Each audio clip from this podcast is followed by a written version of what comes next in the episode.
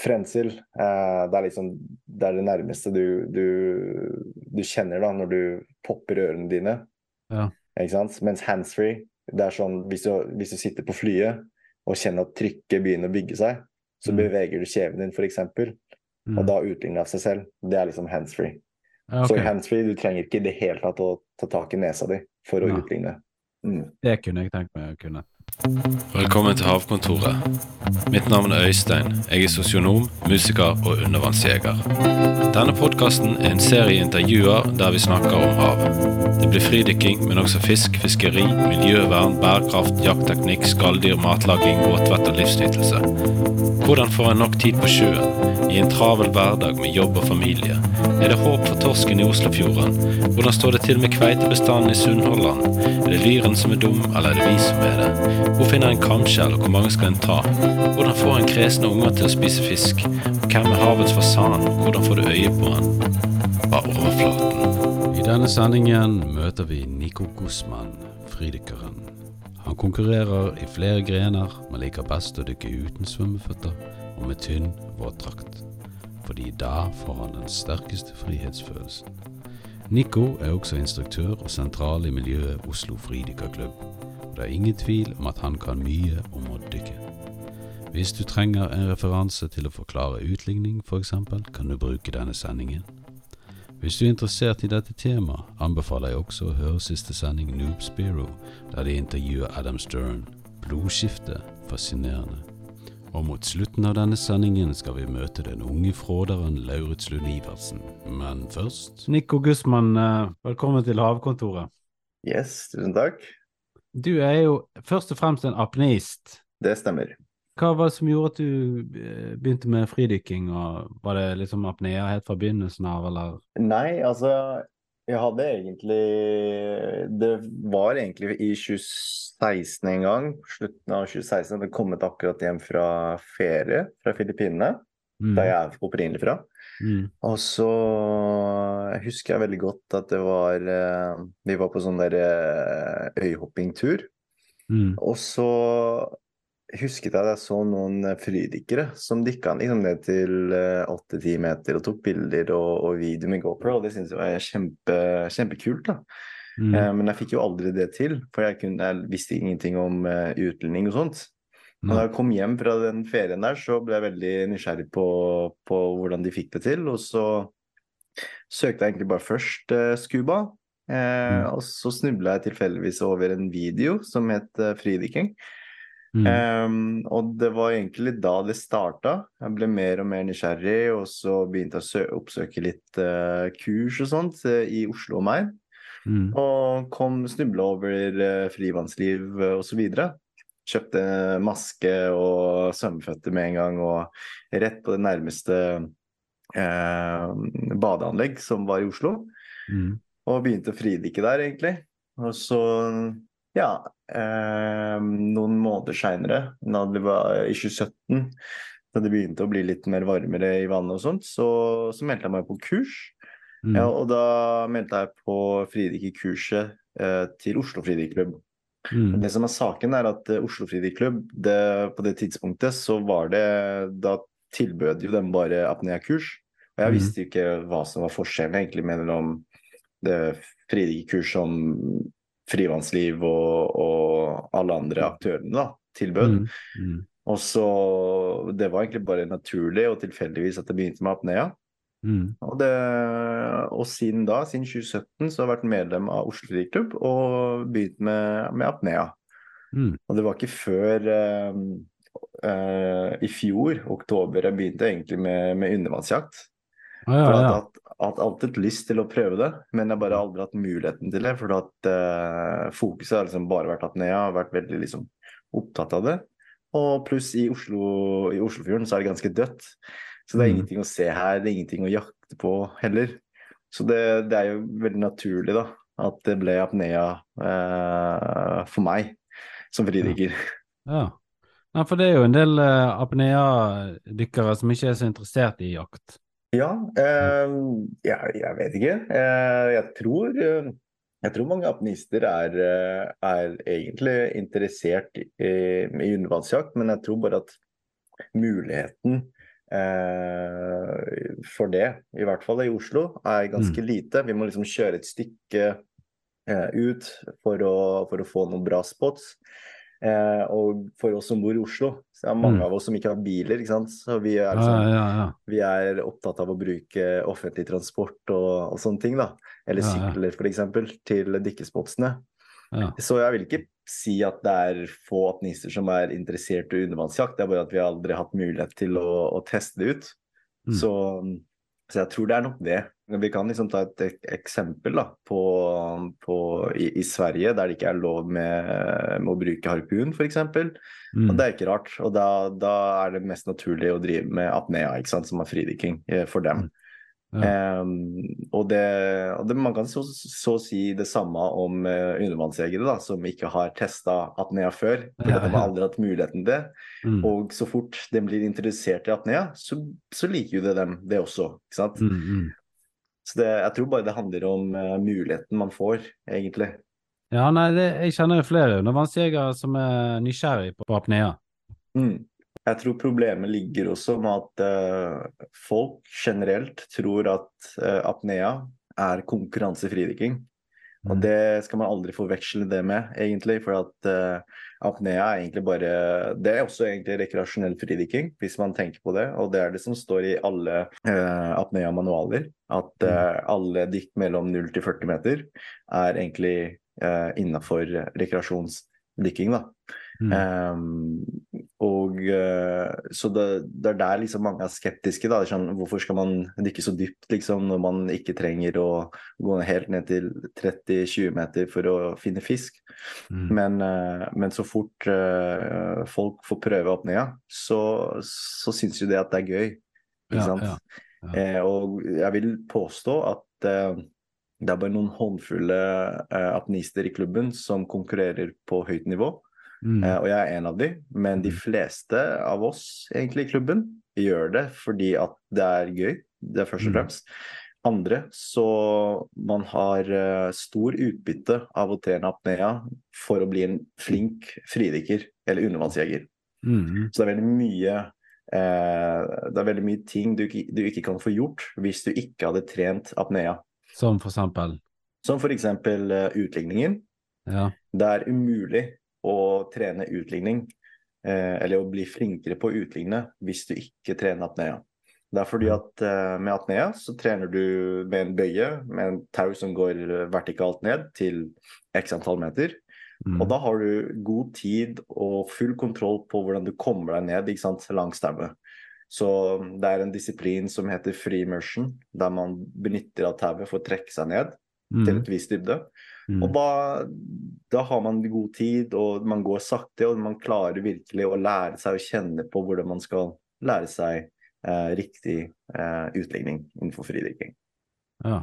Og, og hvis man ser også på volumet av dykk du får i apnea, det er ganske, det er ganske høyt i, i forhold til eh, hvis man hadde bare dratt ut og snorkla eller dratt på undervannsjakt og sånn, fordi fokuset er jo på at du skal oppleve, se på fiskene, plukke kanskje, eller noe sånt. Fokuset Mm. er jo helt på andre ting. Men Mm. når du trener apnea, så trener, trener man bare fokus på, på fridykkerteknikken, ja. Så jeg ser ganske Det er ganske fort at eh, de som starter først med apnea, eller driver med apnea ved siden av undervannsjakt og, og rekreasjonell fridykking, de blir ganske fort Altså progresjonen på starten er ganske bratt, Mm. hvis du skjønner. ja. Fordi at de virkelig lærer seg de, eh, de ferdighetene eh, som er eh, innenfor fridykking. Da. Så kan du tenke deg at apnea er egentlig grunnmuren for alle typer fridykking. Mm. Så hvis man går i utlandet, i det store utlandet, så er apnea-kurs liksom det er liksom det standard fridykkerkurset som man får. Og det er Mm. fordi at uh, før man skal håndtere en harpun og kanskje plukke kamskjell på 15-20-10 meter og sånt, så må jo du kunne utligne for å komme til de dybdene og ha Mm. Mm. eh, god uh, fridykkerteknikk, da. Ja, nei, det er mange gode argumenter. Jeg ser jo òg eh, Jeg eh, dykker jo av og til med apnister ute Mm. på undervannsjakt, og så var det forrige helg. Da var det en Christian Tonnem. Mm. Jeg så jo Stemmer. måten han dykket ned på. Mm. Altså, det var det riktig teknikk, så jeg. Altså, Ja, han gikk rett ned, sant. Og så ikke sant. han ganske stor fart på finnene egentlig til å begynne med. ja, det har han. Ja. Ja, altså Christian han er jo en av mine gode buddies, og trener med han eh, så, eh, når han er i Oslo og besøker.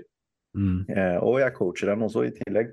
Så Mm. det, mye av uh, det jeg har lært til Kristian, er at uh, hvis du har lyst til å bli en flink uh, fridykker, så må man trene alt av disse ferdighetene egentlig først i basseng. Mm. Fordi at du får sykt mye volumtrening med liksom bare finneteknikk, og du kan trene utholdenhet, du kan trene static osv. Det Ja, kan du ja. gjøre i basseng. Sånn Ja. at når du da kommer ut i sjøen, så har du eh, disse CO2-toleranse og utligning og, og sånt. Det er liksom det er liksom borte, da. Du trenger bare å, å lære deg utligning når du er i, i, i sjøen. Ja. I Oslo og omegn så er det, så er det meg aktiv som er, eh, som er apnéinstruktør i Oslo. Mm. Eh, Helge Løvskar eh, også er egentlig en apnéinstruktør, men han er ikke så aktiv, eh, har vært aktiv i de siste årene. Mm. Og så har du da arvegravningen fra Kongsberg. Også i Bergen er det Michael Bjørnoli. Min søster har tatt kurs hos Michael i sommer. Å ja, så kult! Ja, ikke sant. Så det begynner liksom å vokse nå, da. Egentlig det apnea-miljøet også, ser vi. Mm. Og så har vi da mm, apnea-instruktører også oppe i, oppe i Trondheim. Mm. Ja, det er kult. Hmm. Og nå i eh, helgen førstkommende, da er det 25. august. Stemmer. Så da er det NM. Mm. Og hvor uh, har dere det hen? Vi har det i Vervbukta i Oslo. I Oslofjorden. Og det er liksom det er treningsplassen til, eh, til Oslo Frideklubb. Og det Mm. har, har, der liksom har vi trent siden egentlig siden uh, uh, Oslo Frideklubb ble eh, stiftet da, i 2002. Mm. Så det er ganske fint at man har NM i, på hjemmebane. Hva, hvilken grener som skal konkurreres i? Så det fins uh, fire grener som, kan, som man kan konkurrere i. Første dagen er det noen som heter konstant vekt uten finner. Da går det ut på at man skal svømme uten svømmeføtter, Mm. og da skal du bare svømme bryst. Hele veien ned til Gulveit. X antall Mm. meter. Mm. Andre dagen så har vi da free immersion. Da er det det som er snakk om i stad. At man, da, ja, man benytter seg av tauet- for å trekke seg nedover. Mm. Og så siste dagen så kan man da velge enten eh, med vanlige svømmeføtter, bifins, eller med monofine. Mm. Så ja, det er de eh, fire grenene, men egentlig så har man egentlig bare tre grener man kan konkurrere da, for da du, kan, du må velge monofin eller eh, bifins på siste dagen. Hva er din favorittgren? Eh, det er egentlig uten finner. Ah, ja. Eh, jeg syns det er kjempegøy å liksom å bare å kunne klare å svømme på eget hånd uten eh, svømmeføtter. Det syns jeg er så utrolig kult Mm. og veldig befriende. For at man er nødt til å bruke noe tynnere drakt. I dag så bruker jeg tre millimeter drakt. Mm. Og det er helt fantastisk opplevelse.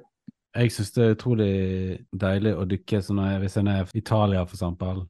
Ikke Og så bare badebukse og dykkermaske. Ja. Det er en deilig følelse.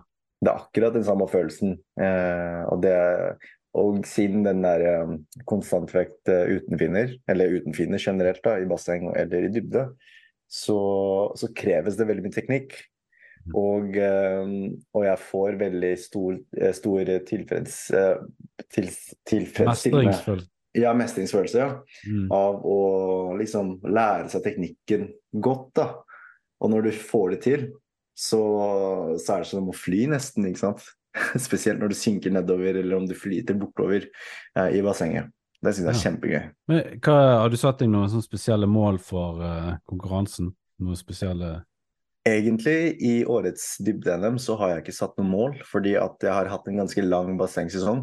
mm. Eh, Jeg hadde bassengsesongen mitt eh, i fjor strakk fra oktober eller noe sånt fram til juni.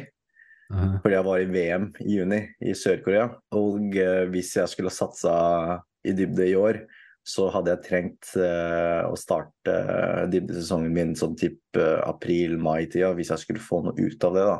Ja, Så okay. jeg, jeg, er bare med nå for å, for å delta, for å stille opp og fylle opp lista, påmeldingslista og sånt. Ja, okay. Eh, men eh, Så ja, nei, jeg har ikke noe, jeg har ikke noe klare mål eh, nødvendigvis eh, Mm. for årets NM. Jeg liker bedre basseng fordi at jeg syns det er litt kaldt i Norge og drive med dypdykking. Men, eh, men ja. Ja, er det litt sånn fordi at eh, draktene blir litt sånn merkelige når det kommer Ja, det blir veldig komprimert, og så, så vil man jo selvfølgelig gjerne bruke eh, tynnere drakt enn det man pleier å bruke. Som f.eks. Um, veldig mer viktig innafor uh, utenfinner. For uh, da bruker du mindre bly mm. og mindre oppdrift, da, som du må jobbe mot uh, de første 10-15 meterne. Så, men da går det på bekostning at du har tynnere drakt, og da blir, du, eh, da blir man også kaldere fortere. Ja, ja. Ja. Jeg merker faktisk det til og med altså, Selv sommeren så kan jeg bli kald av og til når jeg dykker, fordi jeg ligger så rolig i overflaten og gjør meg klar til neste dykk. Ja, Så til og med om sommeren kan jeg av og til bli litt sånn eh, litt hutrete. ja det, det skjønner jeg. Og du bruker 7 mm hele året, eller? Ja, hele året, ja. Ja, ikke sant? så det du kan tenke deg I dag så tror jeg eh, jeg dykka, jeg tok et dykk ned til 32 meter med uten finner, og da eh, Det var godt og varmt på overflaten. I Oslofjorden så er det et par grader varmere enn det der i resten av landet. Mm. Da er det 20 grader på overflaten. Og så eh, under 10-15 meter så er det sånn ned til 11 grader. ja. Og da, da kjørte jeg 3 millimeter, sokk, nei, 3 mm våtdrakt uten sokker og, og, og hansker. Ja. da blir det litt kjølig, ja. ja 11 grader, det er jo sånn som det er i Nord-Norge eh, om Mm. somrene. somrene. Å, herregud. Det høres veldig kaldt ut. Mm. Men eh, har, har du dykket masse i, i Filippinene da, når du har vært der på Ja, så før pandemien så var jeg på Filippinene hvert år, mellom 2015 til 2019.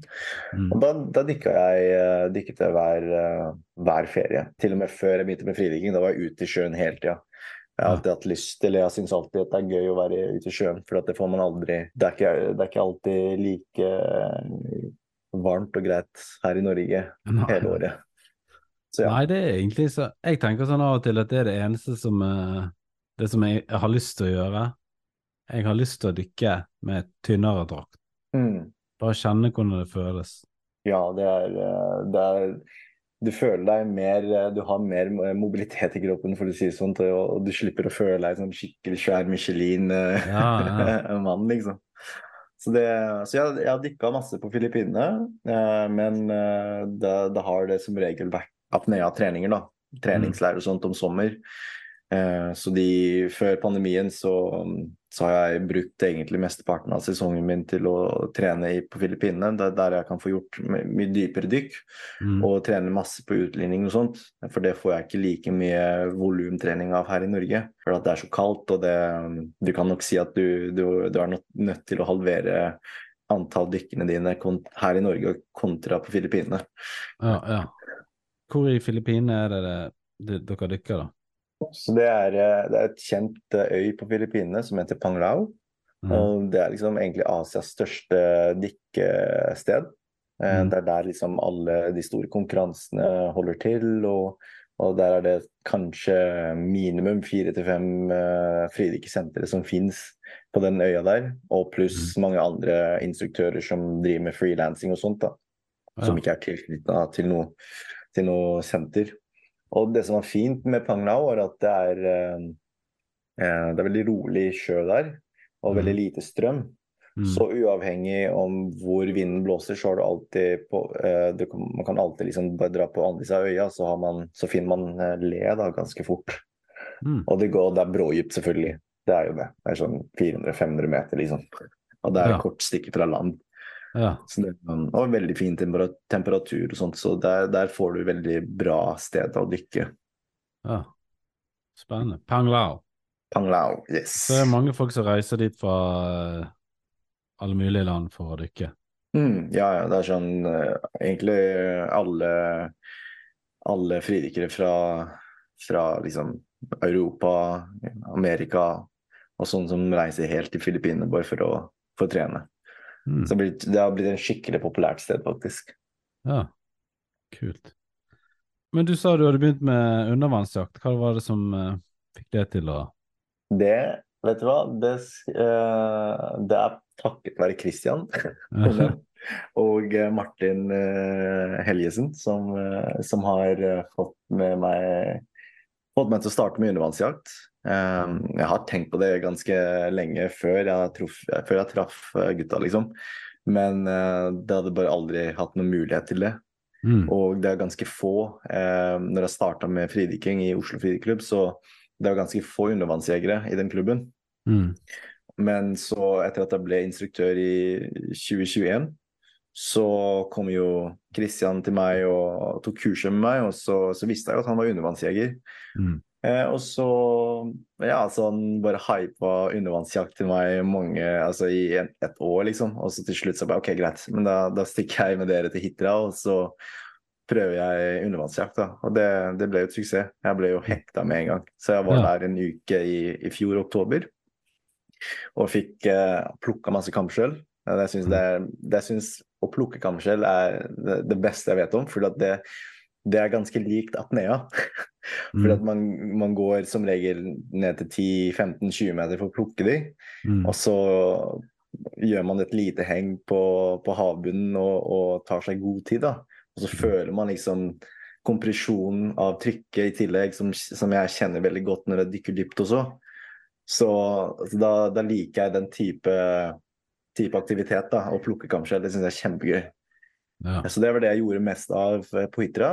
Og så fikk jeg eh, Så prøvde jeg selvfølgelig å harpunere en fisk, og det fikk jeg til. Um, så jeg syns det var utrolig gøy og egentlig bare å, å, å drive med det. Og etter Mm. det så har jeg liksom eh, bare tenkt på, på undervannsjakt Mm. siden jeg starta i fjor. Så um, i år, eh, når bassengsesongen min var ferdig etter at jeg kom inn fra VM, så var det sånn OK, men nå, nå, stikker, vi, nå stikker jeg til Trondheim og, og, og jakter fisk, liksom. ja.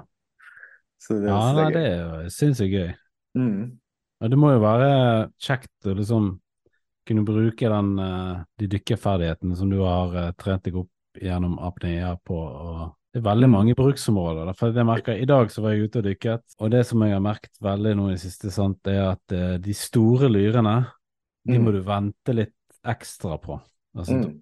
uh, hvis du på en måte klarer liksom å vente litt ekstra lenge Det er alltid de som kommer sist. Du ser Ja. dem liksom litt ute i Ser en sånn grå skygge. Ja. Så, så det må jo være veldig fordelaktig. Ja, det skjønner jeg veldig godt. Eh, og, og eh, det er faktisk noe jeg kan eh, det, for, for meg, da. Det største tipset jeg kan gi til alle sammen, egentlig, er at det- er lurt å ta opp ned kurs. Fordi Mm. at eh, man lærer seg som sagt de, de ferdighetene innenfor fridykking, og man får denne mestringsfølelse.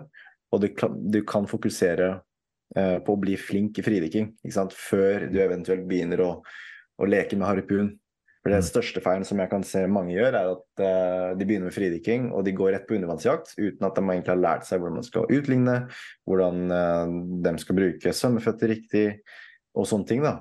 Og uh, hvis de begynner rett på, på å bruke harpun, eh, så, så kan det være utfordrende på starten. ikke sant? Og så kanskje finner man ut at eh, ah, kanskje undervannsjakt er ikke noe for meg, eller pro progresjonen din da, blir ganske, blir ganske Det går veldig sakte på starten. Mm. Så det vil, jeg, det vil jeg prøvd, er å bare droppe harpun de første eh, dykkeøktene. Og Mm. hvis du ikke har tau og line, apneabøye og sånt, og ikke har noen å dykke med nødvendigvis, eller har ikke noen tilgang på apneainstruktører, så, så vil jeg nok bare først teste å dykke uten harpun. Og bare dykka ned til fem meter, åtte meter, kjenne på hvordan det er å, å dykke uten eh, harpun. da. Og så etter hvert, når du føler at du, du er mer komfortabel med å være i vannet, da kan du kanskje begynne å fikle med harpunen din og sånt. tenker jeg. Ja. Jeg tok jo fridykkerkurs da jeg var 16. Mm. Uh, og så tror jeg det var helgen etterpå eller og sånt. Jeg fikk en eh, harpun oppi hendene. Mm. Um, en sånn gammel, gammel sak. Ja. Eh, men det gikk jo for så vidt greit, det, altså. Jeg var ganske Mm. fort i gang med det. Mm. Ja, Eh, det er, det er, sikkert, eh, det er sikkert fint, det. Det er mange folk som har lyst til å dykke på grunn av at de har lyst til å plukke kamskjell og fange fisk. Det er litt sånn, eh, du vet sånn når du sier til unger, sånn, hvis du sier til unger, du er nødt til å gjøre sånn før du kan gjøre sånn, så blir det sånn, de vil jo, de vil Ja, rett på. absolutt. Jeg har vært der selv òg. Herregud, det er sånn Det er mye ting i apnea også som jeg har som folk har fortalt meg. Du trenger ikke å bruke den type utligningen før du når et visst dybde, men fordi det og det og det. Men jeg hørte jo aldri på rådene til uh, de som var uh, som var, hadde mer erfaring enn det jeg gjorde, enn, enn det jeg har. Mm. Og begynte rett på de mer avanserte ferdighetene. Og da, og da brukte jeg lang tid da, på, på å bli flink i, i apnea pga. det. Og det tenker jeg også det samme med undervannsjakt. da, At uh, man bør ta det steg for steg. Mm. Eh, lære seg først å fridykke og, og sånne ting før man begynner å bruke harpun. Men jeg skjønner at folk blir, uh, vil kanskje ikke høre på det, for at det høres jo litt kjedelig og sånt. da. Men uh, spesielt for dere som bor i Vestlandet og, og Nord-Norge og sånt, der dere har tilgang til masse fisk og, og sånt. da. Og da skjønner jeg jo veldig godt at man vil begynne med en gang med undervannsjakt. Men man, skal aldri, man skal aldri undervurdere og, og, trene seg opp litt i, i fridykking før man Ja, skal nei, jeg er positivt innstilt. Eh, Mm. Men det blir bare sånn av og til sånn i prioriteringene. Ikke sant? Det blir sånn, hvis på en måte det er liksom godt vær og jeg kan dra ut og dykke, så vil jeg gjerne foretrekke det foran iallfall for å gå i basseng, da. Så Mm, Absolutt, det det skjønner jeg handler jo veldig mye om naturopplevelse, å være ute. Selvfølgelig. Men det eh, jeg har jo lyst til å dykke litt dypere, da. For mm. at, eh, det er litt, jeg syns det er litt spennende det der med å ha litt vann over seg, på en måte. Mm. Eh, det er litt spennende med det. Altså Gjerne hvis jeg kunne kombinert de tingene òg, liksom å Ikke nødvendigvis uh, skyte og drepe en fisk, men kunne liksom ha nat naturopplevelser i på dybde, da. Ja, og det tror jeg nok er lurt, ja. Eh, å, å teste ut og bli flink, flinkere å teste ut det med, med apnea og sånt. Sånn, eh, du var innom litt på det med lyr, og man skal vente litt på, på de store fiskene. Mm. Og det er sånn eh, Jeg var eh, på en sånn fridykkertur oppe i Nordland for eh, i, nå i sommer. Mm. Og da Det var eh, utrolig spennende å, å kunne dykke ned til 17-20 meter og jakte på lyr, selv om jeg har tydeligvis blitt fortalt av Christian og, og co. at uh, det er egentlig ganske dypt å jakte på lyr på Ja. 17-20 meter. Eh, Men, men jeg føler at jo dypere man, man, man dykker, jo, jo større sannsynlighet er det å finne noe spennende også. Ikke sant? For hvis de fleste fridykkere ligger liksom på fem-ti meter, da, så kanskje, skjønner, så kanskje skjønner fiskene da at eh, man, de, de må ligge kanskje litt dypere. Spesielt hvis man har vært på et sted over et lengre tid. Ikke sant? Mm. Og man kanskje har skremt fiskene, eller noe sånt. Jeg vet ikke. Men jeg føler, jeg føler det litt, i hvert fall. Ja, altså jeg, jeg tenker av og til at liksom der som jeg dykker en del, der er det en sånn nes som går ut i strømmen. Og så når jeg er ute på det neset der, og så så ned på ti meter, så ser jeg liksom bunnen liksom på 25 Mm. liksom nedenfor, at så kan se. Og da tenker jeg, der nede er det sikkert steinbit, tenker Mm. Så jeg har jo lyst til å komme ned, ned dit. Det er jo sikkert noe der nede. Ja. Og det, da, da tenker jeg da at uh, å, å trene ned ville vært et stor, stor fordel, tenker jeg. Eller iallfall hatt en, en buddy som på overflaten som passet på. Ja, absolutt. En, en, en kompetent buddy, ja. Det, og det er bra at jeg egentlig er inne på det, for at det, jeg føler at uh, egentlig det har vært veldig det, jeg, Kanskje du kan rette meg opp dette her, men jeg har i hvert fall hørt om to drukningsulykker allerede i år. I, på grunn av uh, fridykking. Så det syns jeg er kjempeteit, eller uh, dumt, da. Så Mm. det, det vil jeg nok si her nå, at man bør ta sikkerheten på alvor, tenker jeg. Mm, mm. ikke alltid med bøye og line, og samtidig ha en kompetent bøte, da. Ikke sant? Ja, en bør jo, en bør jo prøve på det, ja. Mm. Jeg så en video du hadde lagt ut på Facebook, og det var der du hadde liksom Du hadde vært ned på 17 meter, og, og så var det 1 minutt og 50 Mm. Ja. Ja, det er spennende, da. Det er, jo, det er jo et område som ikke blir utforsket så mye. Nei, eh, det, for, meg så går jo tida bare Det bare forsvinner. Jeg har liksom Jeg driver ikke og ser etter ser på klokka mi og sånt. For meg på det dykket der så var jeg bare så opptatt av uh, å få meg en fangst.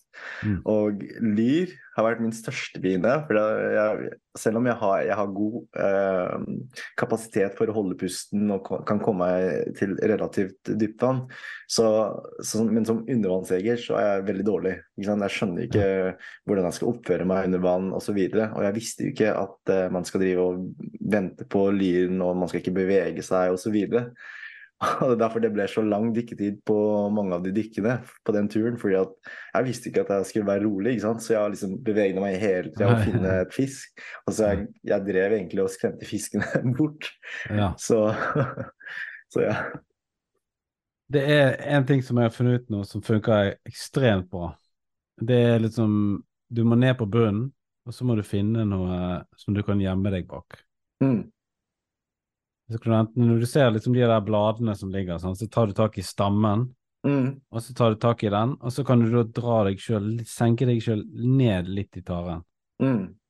Eh, da, men da har kanskje fisken sett deg, og sånn, så er han på vei vekk. Men når du da har gjemt deg, Ja. og så lager du en lyd, Ja. sånn, Ja. da blir de nysgjerrige. Altså, de klarer ikke la være å, å snu seg. OK. Ja. For jeg, skjøt en sånn uh, lyr i dag. Ja. Uh, jeg, har, jeg fikk tatt video på det. OK, kult. Var jeg liksom, uh, Du ser han er på vei vekk. Jeg har lagt meg ned bak taren, Uh, og da snur han seg når han hører den lyden. Og så må han komme tilbake for å, for å sjekke det ut. Og da ligger jo jeg nede i taren og har egentlig harpunen liksom pekende mot den retningen som han er. da. Så da må jeg bare, da bare venter jeg til at jeg har et godt skudd. Så, Ja, ikke sant. Der hvor, vi, der hvor jeg dykka, det var uh, under en bro. mm, Og da var det ikke så mye uh, steder jeg kunne gjemme meg, bort fra pilarene, da. ja. Uh, og, og men fiskene, dem lå liksom borte ved der hvor det ble liksom brådypt plutselig. Mm. Og eh, altså, der hadde jeg ikke noen muligheter på, på bak noe sted, da. Så jeg, Men det blir, liksom- hvis det ligger en sånn hylle da, der det går ned mot dypere, så kan du Mm. bruke den på en måte, den hyllen til å gjemme deg for de fiskene som ligger ned Ja. på dypet. Og det, det verste kanskje med den hele turen var at eh, når jeg Den fangsten som, jeg, som var på den videoen, Mm. den fikk jeg jo egentlig på andre dykket mitt. Og det Mm. ble liksom Ja, og jeg kom ned eh, langs pilaren, og så plutselig var lyren der, den store lyren. Mm. Og så bare skjøt jeg den. Og etter det så har jeg ikke klart å finne noe, noe større lyr på den uh, turen der. Og jeg har vært på den der brua sånn to ganger eller noe sånt. Jeg, jeg har liksom prøvd å komme meg dypere og, og liksom gjemt meg bak en stein og prøvd å være rolig som jeg kunne. Men eh, jeg, jeg vet ikke. Kanskje det er, kanskje det er noen ting jeg gjør galt, eller ja. Ja, det er jo vekt, vektingen kan jo ha litt annen si av og til, for det, det er jo litt annen måte å tenke på vekting når en skal uh, jakte, enn Mm. du, du må uh, Noen liker jo å være litt tunge, sånn at Ja. de på en måte eh, ikke bruker så mye energi på å komme seg ned, sant? eller plasker så mye. Mm. Hvis du da på en måte skal vet at du skal bare dykke på ti meter, så kan du jo ha litt ekstra vekt. Ok. Ja, for det, det, jeg mener, husker at uh, jeg vektet meg slik at jeg var nøytral på ti. Mm. Og fra, et, fra apnea så er det sånn at eh, de første ti meterne så pleier vi å, å, å, dykke eller svømme veldig fort, som Christian, da. Ja, Så det kan hende at det var nok til å, til å skremme fiskene på vei ned, så kanskje jeg må vekte meg litt, eh, litt mer, slik at jeg kommer meg litt raskere ned uten å bruke så mye krefter og lyd, da, kanskje. Ja, ja for dette, jeg er vektet sånn at jeg eh, blir jo nøytral lenge før det, egentlig. Mm, okay. Sånn at, og da, da Hva er det det heter? Det er det som de kaller for aspetto. Mm, stemmer. Nei aguat, Det er et eller annet italiensk ord på det. Ja, Men iallfall det du gjør, da, da siger du jo bare ned, sant. Ok. Aha. Så, så Og så da liksom prøver du å dempe fallet sånn. Da blir det ganske det er, det er også av og til liksom, når du har kommet godt i gang med dykkingen, sant? når du er forbi det der 'nå er jeg kommet i vannet, nå må jeg liksom det og det skje', Når du Mm. liksom har kommet i flytsonen. Det er da du gjør alle de tingene riktig. Ok. Så, Tror du at, eh, tror du at eh, når man er på overflaten og, og beveger seg ganske mye, tror du at fiskene kan bli skremt av det? Ja, det kan de. Ok, ja. Ja. Kanskje jeg skal gjøre mindre av det neste gang? Ja, så, så egentlig sånn, jeg vet ikke, sånn veldig mye sånn der hoiing og roping med venner og sånne ting oppi overflaten, og det tror jeg heller ikke er så bra. Hvis, okay. du, hvis du skal være veldig sånn jaktmindset, da. Ok, for det som jeg har blitt lært også, er at eh, hvis eh, man skal jakte etter lyr spes eh, spesielt, da, så må man egentlig jakte eh, langs bunn. Altså hvis det går på skrått, så må du følge bunnforholdene. Mm. Altså la oss si du stopper her og, og venter på fisk, men finner ikke noe fisk, så må du gå den samme veien tilbake igjen, og ikke rett opp. Å ja. Ja, ja, det er kanskje det. Ja, eh, i hvert fall det, det er det Christian og de har fortalt meg, da. At det Ja. bør eh, gå samme veien tilbake. For at hvis du da går opp, så kan fiskene sprelle seg vekk igjen, og da får du plutselig et mye større område for å finne fram fiskene og sånne ting, da. Men uh, ja. Ja, Det kommer an på hvor mye det er, da. For at hvis på en måte det er ganske mye, så er det akkurat så det ikke spiller så veldig stor rolle. Da får du Mm. flere, fangs- flere sjanser. Ok. Ja. Men jeg, som sagt, jeg er helt nybegynner på, på dette undervannsjakta. Altså, det er jo det Lyr for meg s- stor uh, mysterium. De, jeg føler at jeg, hvis jeg kunne velge, så ville jeg heller uh, jakte etter torsk eller kveite eller plukka kamskjelle. Men, men det er kanskje det som også som jeg syns er gøy, da, er at de er kanskje litt uh, mer utfordrende å, å, å jakte på. Og da, da tar jeg den der utfordringen og bare blir flinkere på, på jakt i I, utgangs, I utgangspunktet så er det jo ikke utfordrende å jakte på lyr i det hele tatt, sånn. men eh, hvis du vil ha de store, jo større, jo mer utfordring blir det. Mm, ja. Sånn, for de små lyrene er jo bare kjempenysgjerrige, de svømmer jo nesten helt opp i harpunen. Sånn, så, ja, det har jeg lagt merke til også. så det er akkurat så det, det er sånn, ja, det er en sånn fin greie du kan liksom eh, Fint å øve seg på. Altså, jeg har ikke, jeg har ikke fått helt sånn Den største lyren jeg har fått på seks kilo, sånt, og jeg har ikke fått noe større enn det. Så Ok. eh, kanskje jeg må bli enda flinkere da for å forklare klare det. Eh, vi må rett og slett eh, lære oss å elske lyren. Eh, okay. for, fordi det er en bærekraftig fisk. Det er masse av den. sant? Ja. Vi må lære oss å, å, å lage mat med den, Mm, fordi den finnes det veldig mye av. For dette, det er jo liksom Det er jo 150 lyr per torsk, nesten. oi. Shit. Ja, det vil jeg liksom Såpass, si. Ja, ja. I dag så jeg én torsk. Uh, så så jeg ja, mange, mange hundre lyr. Apropos det, da. Så det er sånn uh, Jeg har aldri egentlig spist uh, lyr før. Før den turen nå i, i juli. Så da var jeg oppe og besøkte svigerforeldrene mine. Og da når jeg fikk den lyren, så, så lagde svigerfar eh, fiskekaker ut av det. Ja, det var Mm. dritgodt, ass. Fiskekaker med brunsaus. Å, herregud. Ja. Utrolig godt. ja, det er mye eh, kutt kan gjøre med de fiskekakene. ja. Kan jo slenge oppi uh, ingefær og hvitløk og koriander og Oh. Så det er mange bruksområder. Ja, ja, ja. ja. Jeg må bare Jeg tror jeg må bare eh, fange mer lyr, og så teste ut det. Ja. Det koster jo nesten 300 kroner kilo òg nå, på, i hvert fall på Meny. Altså, Gjør det det? Ja, så det er, jo, det er billig mat og Ja, det er så luksus egentlig at vi, klarer, vi kan liksom få tak i disse fiskene mm, på eget hånd. mm. Det sånn, ja, det forbauser meg det hvor mye um, kamskjell koster også på Meny. Sånn 50 kroner per, per skjell, liksom. Det er helt insane. Og vi liksom plukka for et sånn uh, dykk, da. Eh, Eller på sånn tur, så, så plukker vi liksom 20-30 kamskjell Mm. per eh, sånn session, da. Og det er jo Det er gull, liksom. Ja. Og så får du store, bra uh, størrelse også. Ja. ja, det er sykt mye kamskjell på hit. da. Det er ikke så mye her, da, men uh... Og nå har det vært sånn her fem, fem uker med sånn rødt kamskjellvarsel. Oi.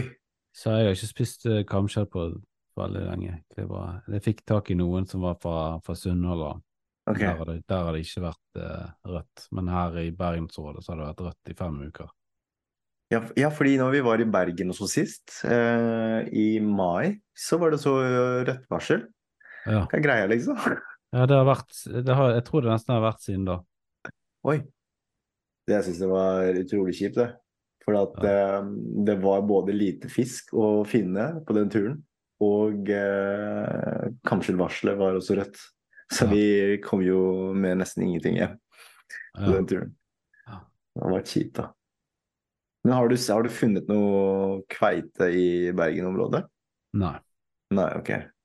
Det er Men, så eh, lyst til å fange en gang. Folk får jo på line men, Ok. eh, og i garn og sånn, men ikke på, med harpun. Mm. Nei, da må du reise til Nord-Norge, men eh, på Hitra er det vel kveite, tror jeg. Ja, ja, det er det. Når vi var i, i, eh, i Nordland, da, da sa svigerfaren at eh, de hadde fått en kveite på line. Mm. Men var- han tippa vel at det var på sånn 30 kilo eller noe sånt. Men den slapp unna. Oi, oh, ja. Men de, de fikk jo den opp, og idet den skulle få den opp til båten, Ja. så, så mista. Uff. Så jævla kjipt, ass. Du Har du svigerfar i Nordland? Ja, altså, de bor jo egentlig i, i Trondheim, men de har hytte i Bindal i Nordland. Eh, så da var vi på hyttetur der, da, i, i fire dager eller noe sånt. Og det er utrolig kul plass eh, å drive med undervannsjakt og plukke kamskjell og sånt, Mm. faktisk. Ja, nei, det er jo veldig mye fisk i Nord-Norge. Mm, Det er jo bare så vidt i fjor sommer.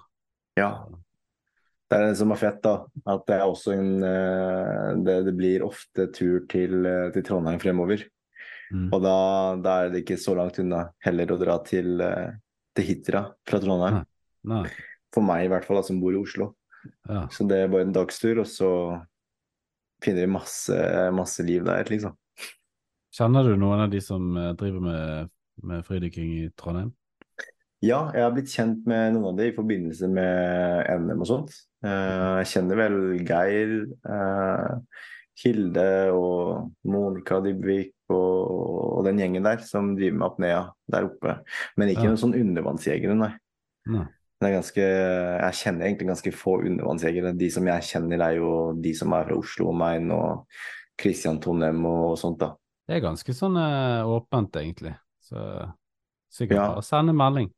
Ja, jeg har vurdert det ganske lenge, Uh, men det er bare uh, Kjæresten min også, vet du, hun er også en fridykker. Og vi Ja. trener sammen i apnea og sånne ting i Oslo Fridyklubb. Så ikke sant, da, da blir det veldig uh, Da trenger jeg ikke å oppsøke til buddy, for jeg har allerede en Ja, buddy ja. med meg uansett. Ja. Så det er det som er fint, det, da. Med at man har en partner som driver med samme idrett eller aktivitet som Men ja, nå har vi jo sporet nesten litt av, da. Det Mm. var jo apnea vi skulle snakke om. Ja. Ja. Er å snakke om Tenker ja. jeg. Tenker vel at uh, for det som er relevant, tror jeg, for mange undervannsjegere Det er mange som snakker om, om bunntid på hvordan man kan øke det og sånne ting. Men Mhm. jeg syns det er veldig lite, lite um, fokus på, på utligning. Mm. Og det jeg ser uh, ofte folk på diverse fridykkerforumet uh, som spør egentlig den, nesten det samme spørsmålet hele tida. da. Sånn der uh, Jeg får ikke til å utligne uh, passert fem meter eller ti meter og sånn og så videre. Og det, og det skyldes jo nok fordi at de ikke får til å utligne bra. Mm. Og da tror jeg at eh, det beste løsningen er at man også tar eh, og søker opp litt på, på YouTube på hvordan man lærer seg frensel. Eller eventuelt uh, bare send meg en melding. Jeg er veldig åpen på å hjelpe folk, egentlig, eh, med det. Jeg har liksom fått forespørsel fra forskjellige folk i, rundt omkring Norge og bare spurt meg uh, hvordan man skal lære seg frensel osv. Og, så og det tror jeg nok det blir en game changer for mange, egentlig. Og det er sånn utligning for meg, da. Det, det avgjør egentlig hvis man har et bra dykk. Så hvis, eh, hvis jeg kjenner på starten at jeg sliter med utligningen, så vet jeg at for resten av dykket det, det kommer til å bli veldig At det ikke kommer til å bli, blir et bra dykk, da. Mm. Um, så det er det jeg ville sagt, at de burde kanskje sette litt mer fokus på utligningen. For hvis du ikke klarer å utligne, så vil jo det skape eh, et stressmoment for, Mm. eh, for en fridykker. Og Du vil jo slutte med dykking nå, hvis du ikke får, får det til. Ikke sant? Og spesielt uh, for nybegynnere som ikke har lært det, så vil jo det gå på bekostningen av, um, av avslapningen også. Så det er liksom litt rart. da, sånn Avslapningen og utligningen de er liksom, kobla sammen. Så hvis du ikke klarer å slappe av, så vil du slite med utligningen. Og hvis du ikke klarer utligningen, så, så sliter du med avslapningen. Og da får du mindre bunntid. Så jeg tror for de fleste Ja, alle snakker om, eh, om CO2-tabeller og sånne ting, men, men jeg tror de fleste eh, kunne trengt seg en, en oppfriskning, eller eventuelt lære seg riktig frensel-utligningsmetode. Mm. Og da vil de kjenne at oi, bunntida plutselig blir bedre, for det er kjempeenkelt å komme seg ned til x antall meter, for at man klarer å utligne bra. Men det er frensel, bruker du handsfree frensel eller vanlig frensel? Uh, ok, så handsfree og frensel er to forskjellige ting. Mhm. Så frensel, da skaper man overtrykk i munnhullet for å åpne øretrompeten. Mhm. Handsfree, du skaper ikke noe overtrykk i det hele tatt. Du bare åpner og beveger noen muskler eh, rundt eh, øretrompeten din, dvs. Si kjeven, eh, ganen osv., for å åpne øretrompeten mekanisk. Så Mm. det er to liksom helt forskjellige måter da, å, å utligne på. Så frensel, eh, det er liksom det er det nærmeste du, du, du kjenner da når du popper ørene dine. Ja. Ikke sant? Mens handsfree, det er sånn hvis du, hvis du sitter på flyet og kjenner at trykket begynner å bygge seg, så Mm. beveger du kjeven din f.eks., Mm. og da utligner det av seg selv. Det er liksom handsfree. Ja, Så i handsfree, du trenger ikke i det hele tatt å ta tak i nesa di for å ja. utligne. Mm. Det kunne jeg tenkt meg å kunne. Ja. Eh, det som er fint å vite, da, er at handsfree, det alle sammen kan lære det. Ja. Men det tar bare lang tid.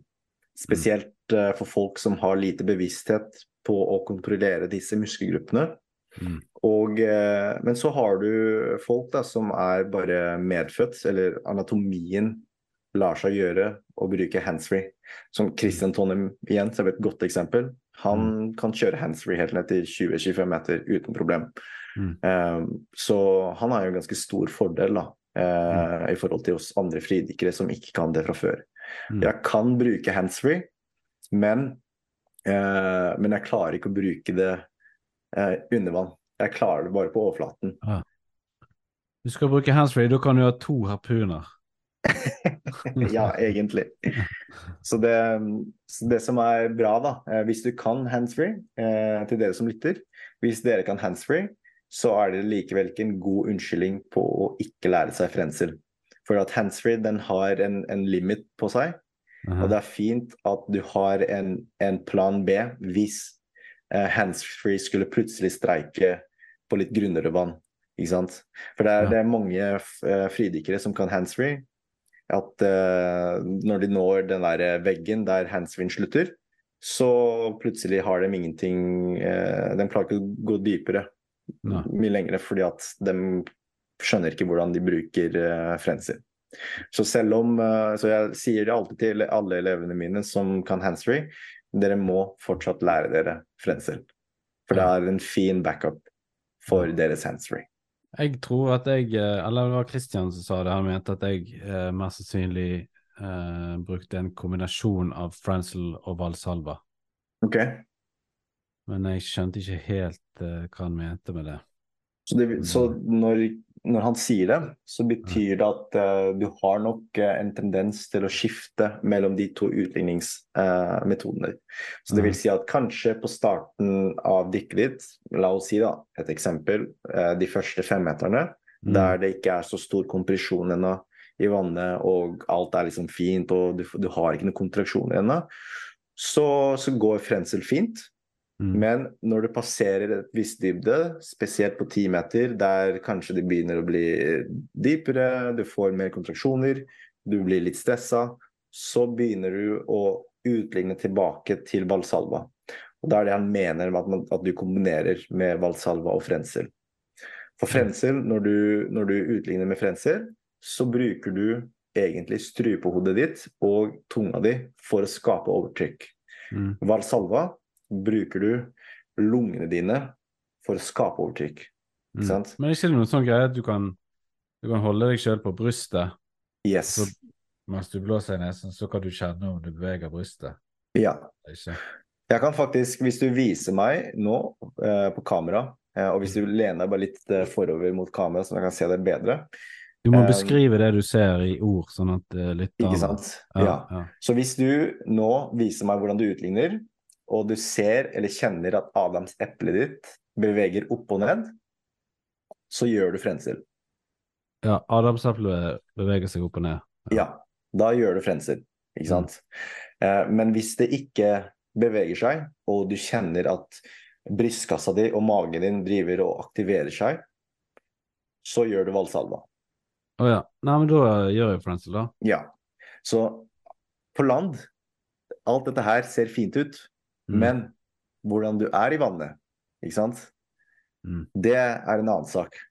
Når du er opp ned, du får kontraksjoner, du holder pusten osv. Der eh, er jeg veldig spent på å se hva du får til. For eh, det er her igjen den der apnea-biten kommer inn.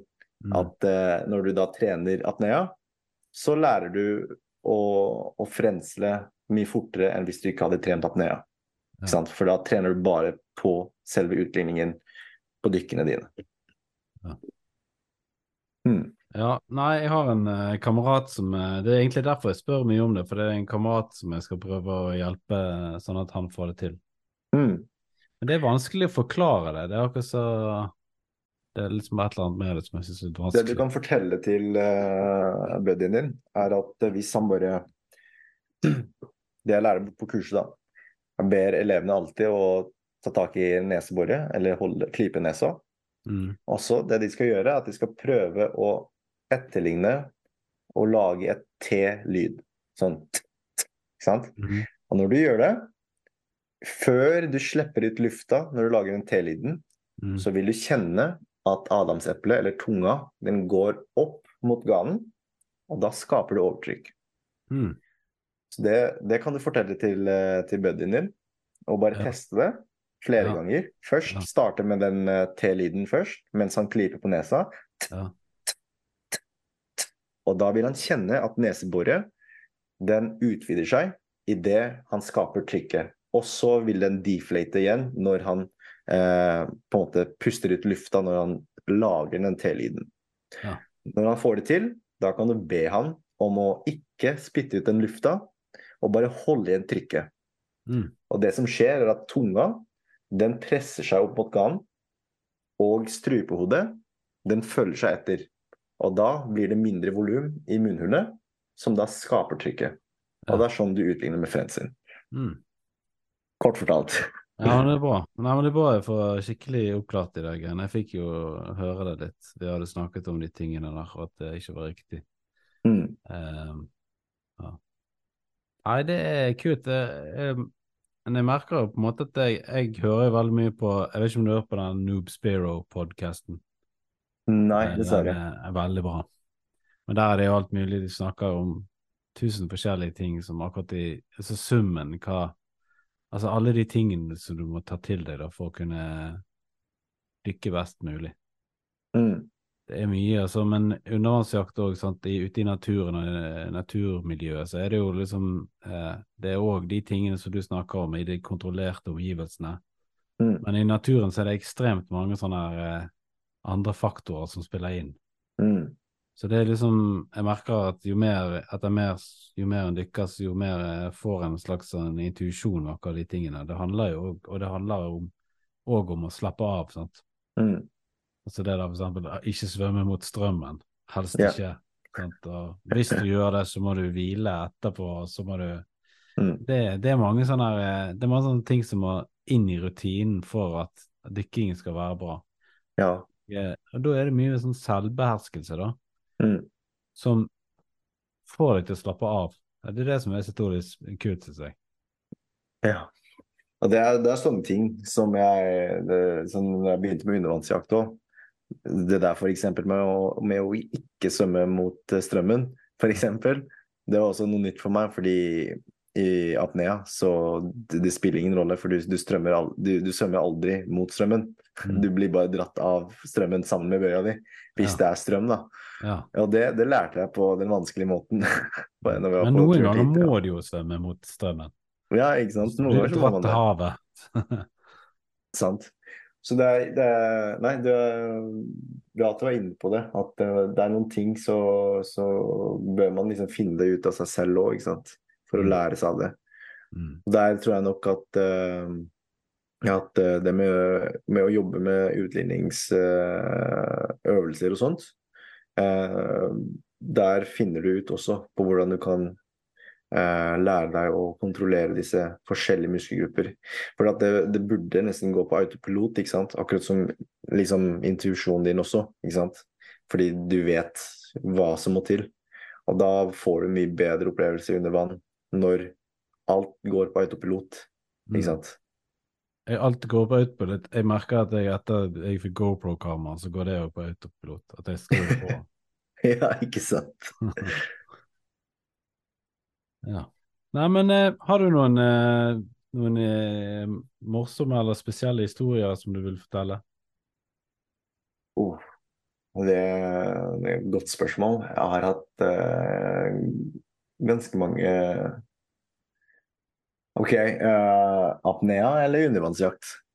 Det som du eh, har mest lyst til å fortelle. Ja, OK.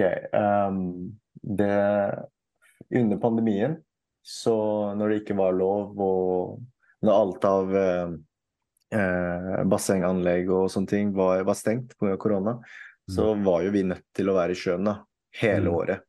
Og det syns jeg var utrolig kjipt, fordi at eh, jeg er ikke noe glad i kaldt vann, egentlig. Det er ganske rart at jeg driver med fridykking i Norge.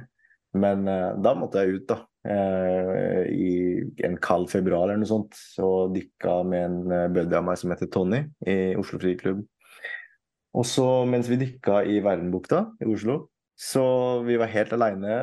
Det var stille, det var en tidlig formiddag. Det Mm. var perfekte forhold.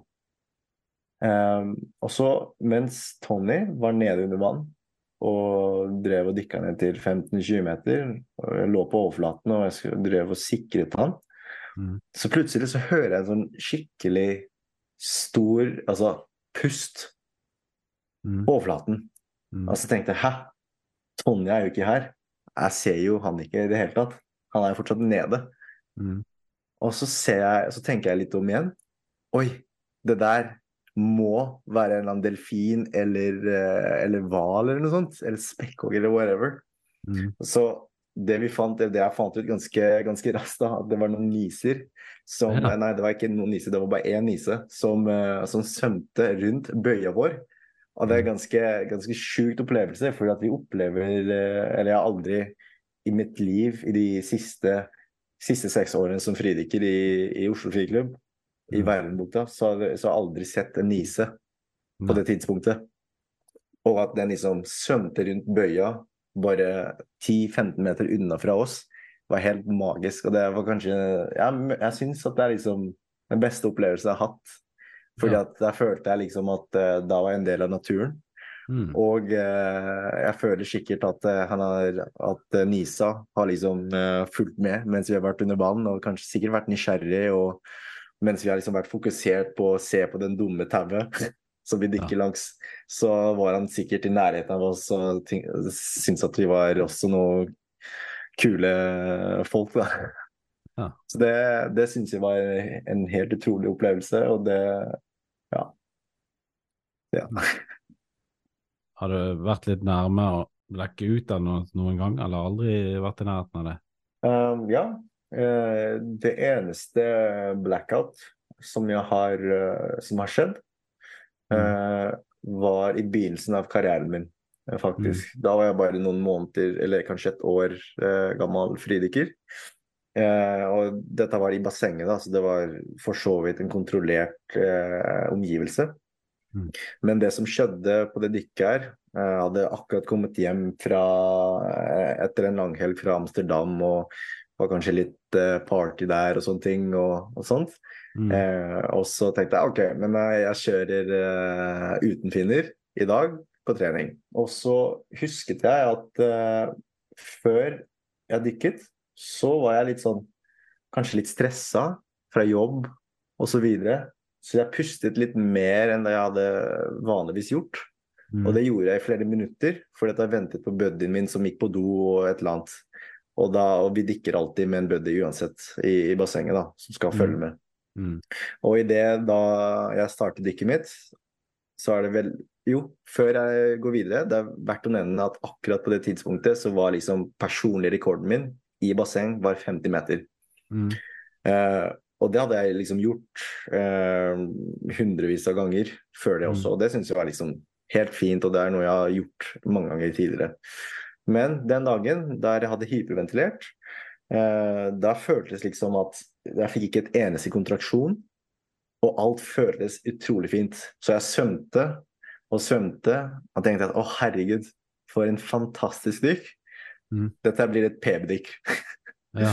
Jeg fortsetter å svømme, og på rundt sånn 40 meter, altså 10 meter uh, unna fra, fra veggen der jeg skal snu, Mm. så bare lights off. Ah. Og så neste jeg husker, jeg var på, på bassengkanten, jeg ble klapset på trynet av buddyen min som passet på meg, ja. og eh, skjønte ingenting. Men hadde du hyper, hyperventilert? Hæ? Hadde du hyperventilert, sa du? Ja, jeg hadde hyperventilert ubevisst. Ah, ja. Og eh, når jeg startet med fridykking, Mm. så, var, så ble jeg lært eh, et annet type pusteteknikk også. Så det har skjedd veldig mye i de siste par årene, som, eh, de siste seks-syv årene i fridykking. Det med at det jeg tror det jeg ble lært på første fridykkerkurset mitt, at jeg skulle puste inn tre sekunder, og så seks sekunder ut, da. Ikke sant? Mm. Men det er jo egentlig hyperventilering i seg selv. Fordi du Mm. driver og manipulerer pustinga di. Så hvis du vil være på den sikre sida, så skal du slutte med det der. Du skal bare puste helt vanlig, Mm. sånn som om du sitter på sofaen, ser på Netflix, eller når du ligger og sover. Ikke sant? Mm. Og det visste jeg ikke, og det, og det lærte ikke vi på det tidspunktet. Ja, for det, jeg har tenkt på det òg. Jeg har hørt liksom, det var noen folk som Det er jo folk som snakker om det, det er ikke så lenge siden heller at folk sier akkurat det. Men noen ganger så må du jo puste mer enn det, fordi du er sliten, for eksempel.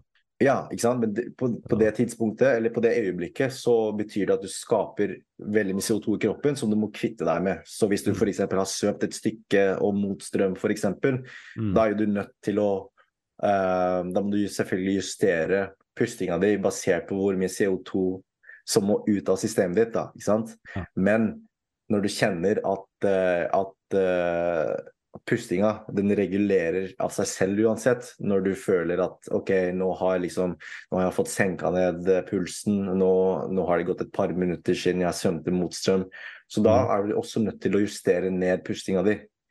Så det som skjedde da, var at uh, jeg brukte den gamle metoden for å puste. Mm. Uh, puste opp, og da endte det opp med en blackout. Ja. Og, et, et lengde som jeg hadde gjort 100 ganger før. Mm. Ikke sant? Og så farlig er egentlig hyperventilering når, Mm. eh, når man skal drive med fridykking. Det husker jeg at jeg lærte på det eh, fridykkerkurset da jeg var 16. Det Mm. var en av de tingene jeg husker. At skal det, du ble lært opp å hy hyperventilere. Nei, det ville lært at vi aldri skulle gjøre det. Ja, Mm. ikke sant? Og det er mange folk som sier at man ikke skal hyperventilere, men så er det, men så er det sånn at Men hva er egentlig en betegnelse på en hyperventilering? For folk tenker jo at hyperventilering, hyperventilering betyr bare at man puster hyppig, det vil si Mm. det, Ja, det er en hyperventilering, men også hyperventilering kan jo også være Mm. veldig rolig puste, ikke sant? Fordi du jeg- puster mer enn det du enn kroppen din trenger. Ja. Men jeg, jeg merker eh, du vet, Og det føles veldig naturlig. Det er egentlig bare derfor jeg har bitt meg merke i det. Mm. At eh, når jeg puster opp av og til eh, Så det siste utpustet Ja. eh, Da er det akkurat som jeg puster litt mellom tennene, på en måte. Altså litt, litt Jeg puster litt trangere. ja, men det, men det går fint. På, Ja, på men det var noen som sa det, at, at, du kan, at du kan gjøre det. Altså sånn du, du puster ut, og så gjør du litt sånn Sånn. Liksom. Ja. Ja, men det, det vil ikke gjøre Før du tar det siste store pustet inn. Ja, du, du er nødt til å puste alt ut. Mm. Eh, på, så det siste eh, utpusten før du tar siste innpusten, så Mm. er du nødt til å tømme lungene dine, sånn at du får, eh, du får mer luft, eller, og kvitt deg med, med den lufta du har hatt i lungene dine, og fylle den fullstendig godt på innpusten. Altså, det er noen ganger du kjenner det, akkurat som du kjenner at lungene dine strekker seg på Ja. innpustet. Um, med, altså, hva jeg du med at det strekker seg? Du føler Nei, liksom, jeg at det er ganske føler- fullt, liksom? Nei, jeg føler på en måte at uh, jeg har kommet til et sånt punkt der jeg kan liksom strekke de opp enda mer. Ja. Det er liksom ved å tenke, og nå strekker de, og så, at som jeg kjenner at de liksom at de strekker seg mer enn hva de vanligvis gjør. Ja, men da har du da, Ja, da er den på Hvis du ikke pakker, sånn som de kalles det, at man liksom gulper opp luft mer inn i lungene Hvis du ikke gjør det, og du føler at det strekker, Mm. da har du nok nådd eh, din fulle lungekapasitet når du har gjort det. Eh, og det er ikke sant, Mange folk syns jo at uh, det er veldig ubehagelig å, å holde pusten når du har absolutt fulle lunger, når du har liksom nådd 100% Og det er jo et tegn på at man ikke har uh, tøyd nok uh, brystkassa si for å tåle din total lungekapasitet. Så det er også et tips som jeg kan gi til alle fridykkere, faktisk, er at uh, hvis du har lyst til å øke lungekapasiteten din, eller bli, bli uh, komfortabel med å holde pusten på fullstendig fulle lunger, så er du nødt til å tøye brystkassa. Men kan ikke du få det ved å dykke masse òg, da? Jo, det går an, det går an, men du får, uh, du får Altså, du vil ikke få en ganske rask effekt. For å si det sånn. Så hvis du har lyst til å få rask effekt for å bli mer komfortabel på å holde pusten i fulle lunger, så er du nødt til å drive med lungestretching, som vi kaller det for i Ja, ja, ja. Så gjør det regelmessig, sånn at eh, det ikke kjennes ubehagelig. Jeg kjenner Det er ganske ofte på nybegynnerkurset mitt at eh, folk syns det er ubehagelig å holde pusten på fullstendig fulle lunger. Og det er greit, for det er nybegynnere. Og Det er da- mye mer ubehagelig å ikke ha eh, å, må- å måtte puste når en er nede på dykket sitt. Hva sa du? Det er jo mye mer ubehagelig å ha for lite oksygen i lungene. Ja, ja. Det er, ja, det er for så vidt sant, ja. Men uh, det, Jeg bare det tenkte i dag når jeg dykket eh, Jeg var ute på den uh, lyreplassen min der, og så skulle jeg liksom snart gi meg, og så skulle jeg liksom Så bare tenkte jeg nå skal jeg uh, få det her til, liksom. Og da måtte jeg jo ha maks med luft inni lungene, for at jeg måtte svømme litt, for det var litt strøm der. Så. mm, Ja. Det, mm, ja, det, det er jo sant. Jeg tror alle vil, alle vil jo fylle lungene sine fullstendig for, for å føle seg trygg og føle seg at eh, man har liksom full tilgang eh, oksygen da, i lungene sine. Men uh, lungestretching det er veldig viktig også i fridykking, uavhengig om det er apnea eller uh, rekreasjonsdykking. For det, på et eller annet tidspunkt så, så vil jo det også stoppe deg eller hindre deg for å, for å ha økt bunntid, ikke sant. Ja. For det husk kan jo at være eh, fint hvis du på en måte gjerne kanskje ikke har muligheten til å dykke så mye, at du kan trene Ja. litt på det sånt Ja. hjemme. Veldig godt poeng. Veldig bra at du sier det. For at uh, de som er liksom sesongbaserte fridykkere, som Mm. har lang pause mellom uh, dykkene sine, så er det lurt ja, å holde det vedlikehold. likehold. Sant? Mm. For uh, det, det kjipeste du vet, er at hvis du begynner å kjenne at det er ukomfortabel å holde pusten på fulle unger, eller du kjenner trykket på ti meter f.eks., da er jo det et tegn på at, at uh, du trenger mer vedlikehold av, eh, av eh, tøyelighet av uh, brystkassa di. Ja. Jeg hadde en sånn periode litt i begynnelsen da jeg begynte at jeg har dykket veldig, veldig mye òg. Da hadde jeg vondt, veldig vondt i brystkassen en ganske lang periode. Oi. Bare fordi at du, du, du fridykka, eller? eh? Ja, Ok, tror det var det. Mm. det er rart. Så gikk det bare over. Ja. Det kan også være et eh, utstyrsproblem, det òg. Sånn, eh, jeg Ja, kjenner jeg hadde litt sånn forskjellige teorier på det. Jeg hadde òg eh, trynt den ganske kraftig på snowboard. Å ja.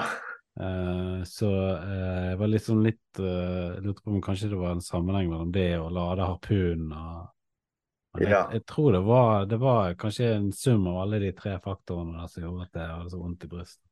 ja, det tror jeg jo. Og det, det er vondt, ass. Altså, jeg lærte jo bare å, å Jeg lærte jo bare å ha, eh, lade harpunen min eh, i fjor eh, på Hitraturen. Og før det hadde jeg aldri brukt harpun før. Og jeg husker jeg kom hjem etter den turen at jeg, jeg, jeg var veldig redd for at jeg har fått brist i, i ribbeina mi. For det var, det var seriøst vondt å, å, å trekke inn pusten.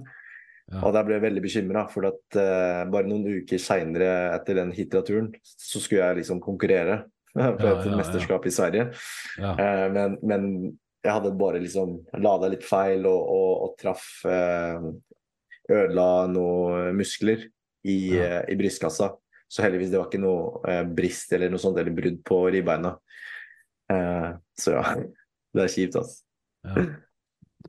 Yes. Nei, men eh, veldig kult å få eh, litt innsikt i apnea-verden og Ja. Eh, Så da blir det jo ja, en påminning. Vi har jo vært innom det med fridykkerkurs òg, men eh, da fridykkerkurs eh, Apnea-kurs det tilbyr dere i Oslo fridykkerklubb. ja. Og eh, Michael Bjørnali eh, Yes. anbefalte min søster Ja, ja, ja. til tilbyr det i, eh, i Bergen. Og Trondheim, hvem var det som gjorde det der? Eh, Andreas Aasheim og Monica Dybvik. Og til dere som er i Østlandet, så er det vel eh, ja, Kongsberg, da, Arvegravningen, og, eh, og, eh, og meg Ja. i, i Oslo. Og hvordan tar folk kontakt? Ja, det, det er bare å ta kontakt med meg. Eh, best å gjøre det gjennom eh, Facebook eller eh, Instagram.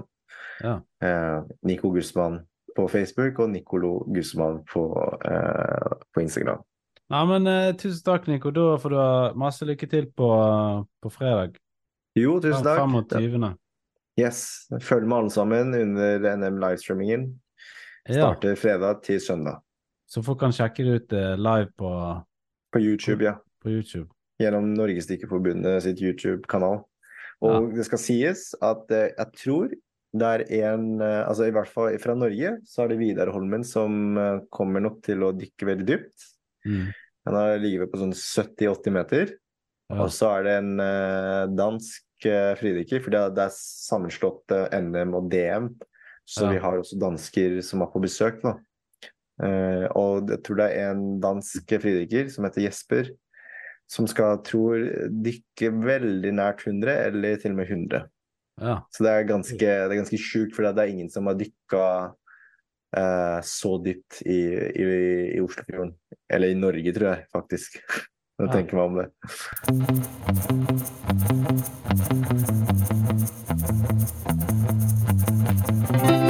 Lauritz Lund Iversen, velkommen til Havkontoret. Ja, tusen takk. Du er her i dag for å fortelle om en, god opplevelse. Men uh, vil du først fortelle litt om deg sjøl og hva bakgrunn du har innenfor fridykking? Eh, Ja, jeg er jo da fra Oslo, jeg er 19 år, heter Lauritz. Mm -hmm. Jeg har jo, hva skal man si, vært glad i fiske og jakt, eh, havet hele livet, så jeg tror jeg tok vel første fisk med spyd, tok jeg vel som 10-12-åring. Eh, Mhm. Vasset på en sandstrand med dykkermaske og et sånt trespyd. Mhm. Og så har det egentlig bare ballet seg på. Jeg har sett eh, mye på YouTube-videoer. Daniel Mann og sånt har vært, eh, fått- blitt inspirert av disse. da. Så for ja, seks-syv år siden så kjøpte jeg meg fem-seks år siden kjøpte jeg meg utstyrspakke fra Frivannsliv. Mhm. Og eh, deretter så har du egentlig bare, ja, ballen begynt å rulle. Har eh, startet dykket mest nede i Oslofjorden, og der er det jo ganske dødt. Men har jo tatt en del flatfisk. Men drømmen har jo alltid vært da, å ta kveita. Mhm. Men du har jo fått en del kveiter. Du har jo sett på fangst- og siktmeldinger. Hva, hvor mange er det du har fått? Ja, hvor mange? Jeg tror jeg har tatt fem kveiter. Jeg tok min første kveite i fjor, og den var um, på 28 kilo. Mm. Uh, Så det var egentlig en drøm som gikk i oppfyllelse. Og så dro jeg en kompis og faren min og faren hans, vi dro opp i år da, til nord i Troms, nord for Tromsø. Eh, ja, for å dykke etter kveite. Og eh, da ble det jo en del fangst. Da vi kom, kom vel hjem med 40 kilo filet hver. Oi, ja, det var mye. Ja, det var mye. Så Ja. nå blir det kveitediett eh, fremover. Ja. Har dere mange forskjellige retter dere lager med kveite i familien, eller hva?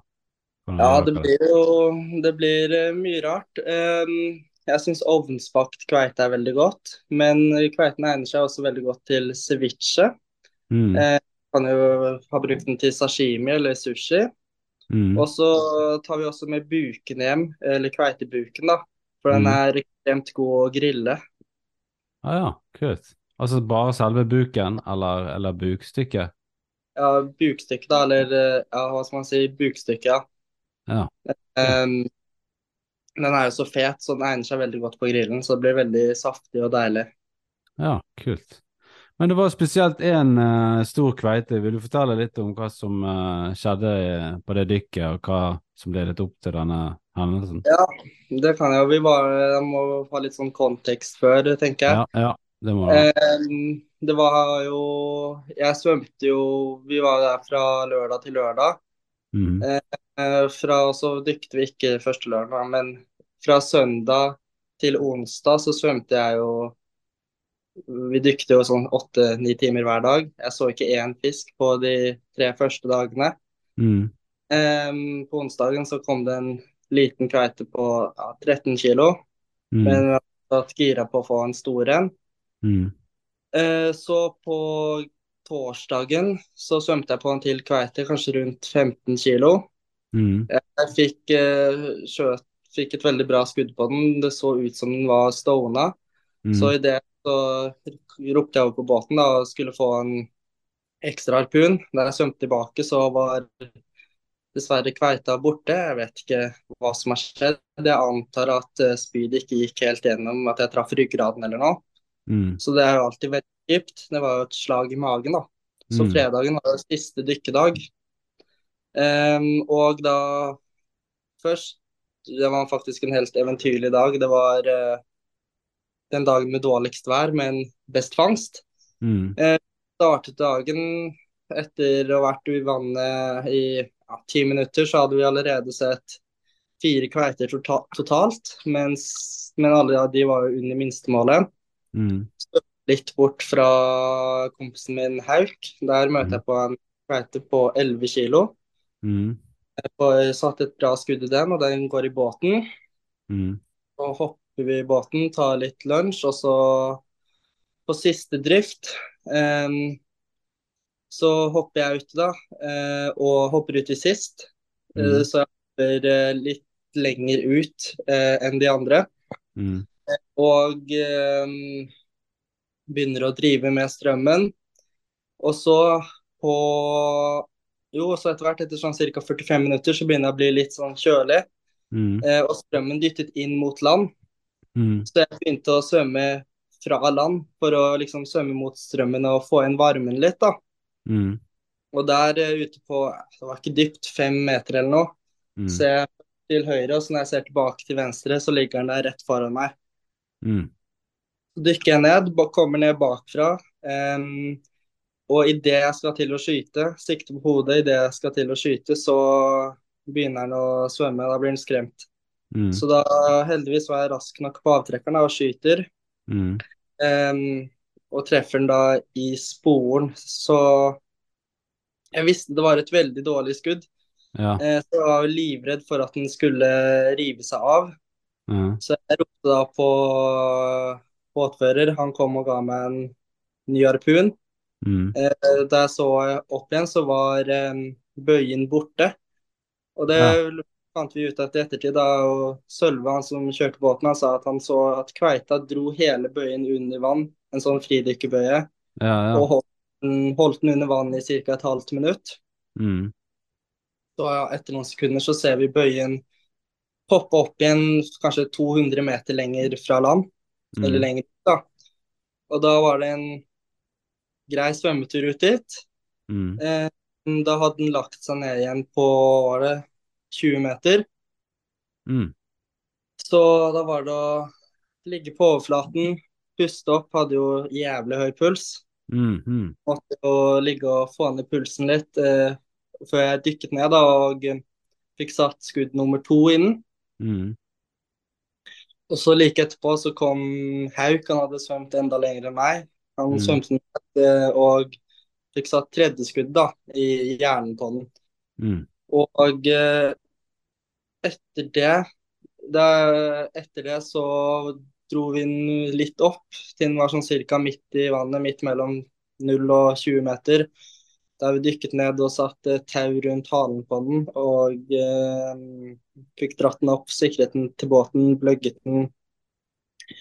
Ja, ordentlig sikret den da. Det var først når fisken var på overflaten at jeg innså hvor eh, stor den egentlig var. Da jeg originalt så den, trodde jeg den var på rundt 20, Mm. men var på nesten 40.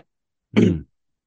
Og skuddet var jo et Det var ordentlig flaks. Hvis jeg hadde vært Det var helt i kanten på halen. Hvis jeg hadde truffet ja, én eller to centimeter lenger til eh, venstre, så hadde pilen bommet fisken 100 Mm.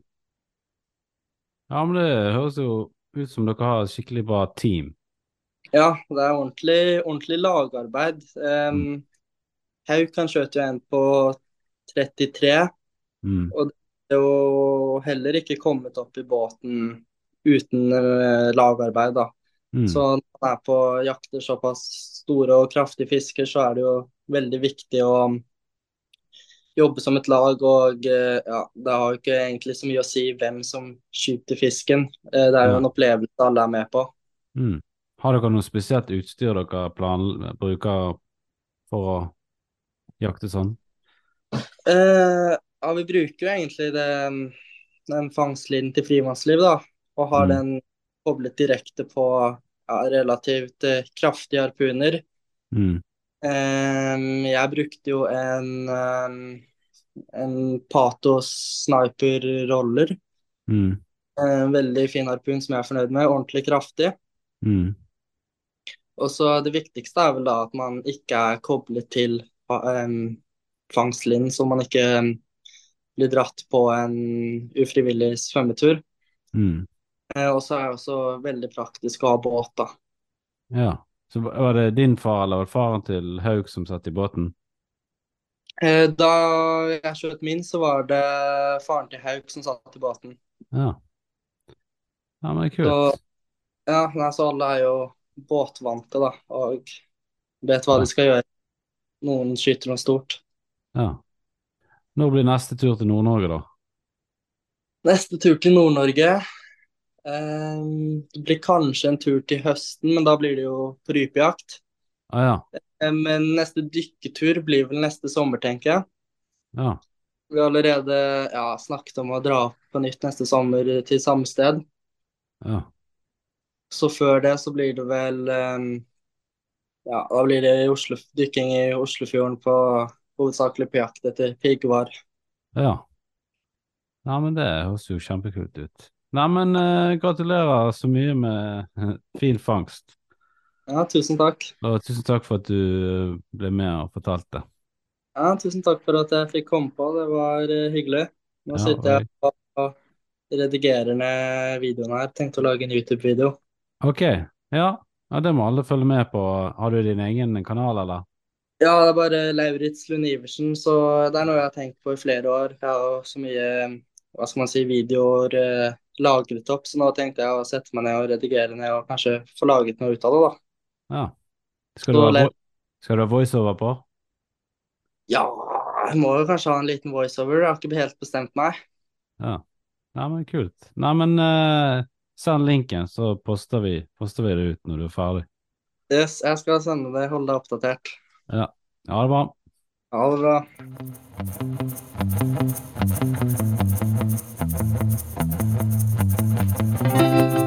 Yes, det var Lauritz Lund Iversen. Den unge fråleren. Teamworker. Fett å høre på. De har en god greie på gang der, uh, Lauritz og Hauk og papasene.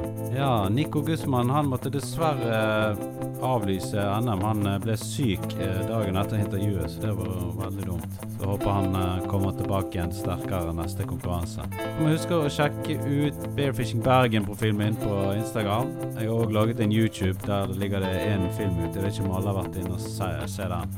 Så nå har jeg planer om å bli Norges fremste mogul på eh, innholdsfronten på eh, undervannsjakt. Patron, Havkontoret Patrion. Der er det mulig å klikke seg inn og eh, støtte arbeidet med podkasten med en liten slant. Det settes eh, stor pris på. Da snakkes vi vel bare med neste episode, da.